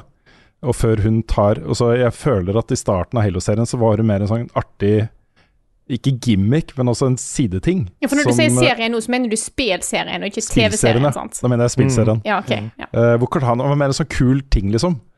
Uh, Bungie er veldig glad i AI-styrte ting og roboter og uh, flyvende ting og, og, og sånt. Altså, det har vært veldig sentralt da, i alle spillene deres. Du har Ghosten i Destiny, du har uh, i Marathon-serien så snakker du med en AI via datamaskiner. Eh, I eh, Halo-serien så er det Cortana og etter hvert eh, disse Orbsa som kommer inn. Så det har føltes mer som en sånn kul sideting da, enn enn en sånn med en skikkelig god begrunnelse og opphav, liksom. En, en origin-historie. Men her får Cortana, Cortana en skikkelig origin-historie fra starten av, liksom. Og det er veldig, veldig kult. Det er Så, ja. spent på å se hvordan, hvordan serien faller i smak. Jeg er veldig spent på hva folk syns om den, altså. Mm. Uh, jeg, uh, jeg likte den, så det er kjempespent. Jeg eh, lurer på om jeg skal ta et par-tre par-tre kjappe spørsmål. Ja. Veldig korte. Okay. Jeg tar et spørsmål som vi får såpass jevnlig at jeg vil tippe at det er alltid folk som lurer på det, så derfor tar jeg det opp. Eh, Det er Daniel B. spør hva slags PC-briller bruker Frida. Jeg bruker Gunnar-briller. Jeg har lyst til å kalle det Gunner, jeg også, fordi Ja, jeg det det er er liksom det. Ja, men de, er ikke, de er ikke norske. Har de er svenske. Ja. Ja, det, Jeg tror de er svenske. Jeg er ganske sikker på at de er svenske. kan man hete Gunnar i Sverige? Ja, du kan sikkert hete Jo, Gunnar. det er jo den det tosidige tingen, selvfølgelig. Det er jo en del av det, men Ja. uh, Ja. ja, det er jo helt sikkert Gunnar som er på en måte poenget, men jeg syns det er mye mer, eh, mye mer eh, eh, koselig å si Gunnar. ja. Ja, I agree. Yes. Nei, jeg kan ikke bruke Eller jeg kan det, da, men da må jeg styrke i det. Jeg bruker jo briller, ordentlige briller, liksom. Mm. Uh, Mm. Så det hadde sett litt rart ut å Ja. gå med det sånne hele tiden. Jeg bruker mye den funksjonen i Windows som gjør skjermen sånn. Ja, Ja. det er sant. Det er. Mm. Ja, det er, det er Jeg brukte jo sånn, eh, både den funksjonen i Windows og Flux eh, tidligere. Men eh, det er den, den bitte lille styrken som er i de, den hjelper meg veldig på å bare på en måte få slappe av øynene. Mm. Så jeg trenger den i tillegg. Neste veldig kjappe spørsmål er fra Fredrik798. Han skriver Har Frida fortsatt planer om å fortsette Sonic 06 streams eller serie? Og den Vi har ikke lagt den helt fra oss, eh, Carl. Nei, det har vi ikke. planer. Og hvis, eh, hvis du blir Ja, hvis du blir for sjuk av å spille det, fordi du, det er mye sånn gæren kameraføring og motion-greier i det spillet der, Mm. Uh, så kanskje jeg tar over. ja. Og så kan jeg få med meg hva som skjer, rett og slett. Ja, vet du hva som skjer? Nei. Nei, ikke sant? Jeg vet fortsatt ingenting om Sonic 06, Nei, utenom det vi har spilt så langt. ja, for det er jeg veldig spent på hva du Ja, da er jeg òg. Jeg vet om den ene scenen. Ja, ja, Ja. Den, den hadde jeg blitt overraska hvis ikke du hadde fått med deg. Ja, jeg er god til å dodge spoilers. Jeg vet ikke hvordan jeg får til det, men den har jeg fått med meg. Mm. Yes. Eh, og så har jeg eh, et siste spørsmål her, fra Delsi. Spør Hei, kjære level up-folk. Lurer på om det er noen planer for en sesong to av Duellen? ja. Ja. Noen som har et nytt eh, spørsmål på lager? Um, jeg kan, eh, kjapt fra Silicoid, som lurer på hvordan det går med Wor- Wordle-spillingen vår. Ja. Um, det, det var jo et fenomen som starta i oktober, tror jeg, og som har gått gjennom hele vinteren. Um, og så lurer han også på om vi har prøvd noen av de rundt 30 populære Wordle- Wordle-inspirerte spillene. For å svare på det første først, så er det fortsatt en del av rutinen min, men ikke daglig lenger. Så jeg mista streaken uh, fordi jeg glemte det et par dager, og da eh, Ok, hvis jeg først har mista streaken min, så er det ikke noe vits i å spille hver dag lenger. Men jeg spiller det fortsatt, så um, uh, Egentlig mest nå for å se når uh, New York Times setter på paywallen. Den Ja. dagen de gjør det, liksom. Mm. Så får vi se, da. Jeg er veldig spent altså, på hvor lenge de holder det gratis og fritt tilgjengelig for, eh, for folk. Absolutt. Jeg har datt av Wordle, men jeg spiller fortsatt Nerdle hver dag. Ja. Sånn cirka hver dag. ja det har jeg også snakka om i podkasten, men det er jo da mattestykker. Yes. Hvor du må plassere både tall og pluss og minus og ganger og delt på. Er det delt på også? Ja. Ja. Uh, og er lik. Mhm. Jeg, jeg får de som regel til på tredje forsøk, men det har vært, et par skikkelig tricky noen. Mm. Så det, den koser jeg meg med. Jeg hadde en herlig en med Wordle eh, for et par dager siden, hvor eh, også hvis jeg får bare ett, eh, en oransje bokstav på første forsøk, liksom, Eh, det betyr jo at jeg, bokstaven er med, men den er på feil sted. Så prøver jeg gjerne et helt annet ord som ikke har den bokstaven, for å se om jeg får en bokstav til, ikke sant.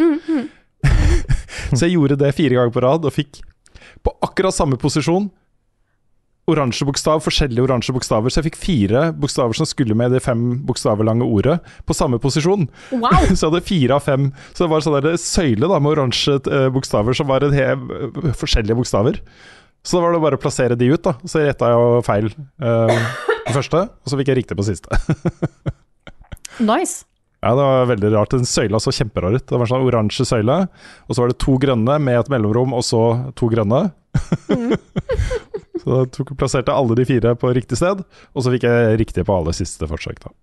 Det var eh, litt uh, morsomt. Det så ut som en uh, sånn som jeg gjorde det med vilje. Ja. Mm. Kanskje du gjorde det. Ja, jeg vet ikke. Det skal vi ta en runde av dere, da, eller? Det kan vi gjøre. Det kan Da gjør vi det. Dette her er Level Backup, en podkast utgitt av moderne media.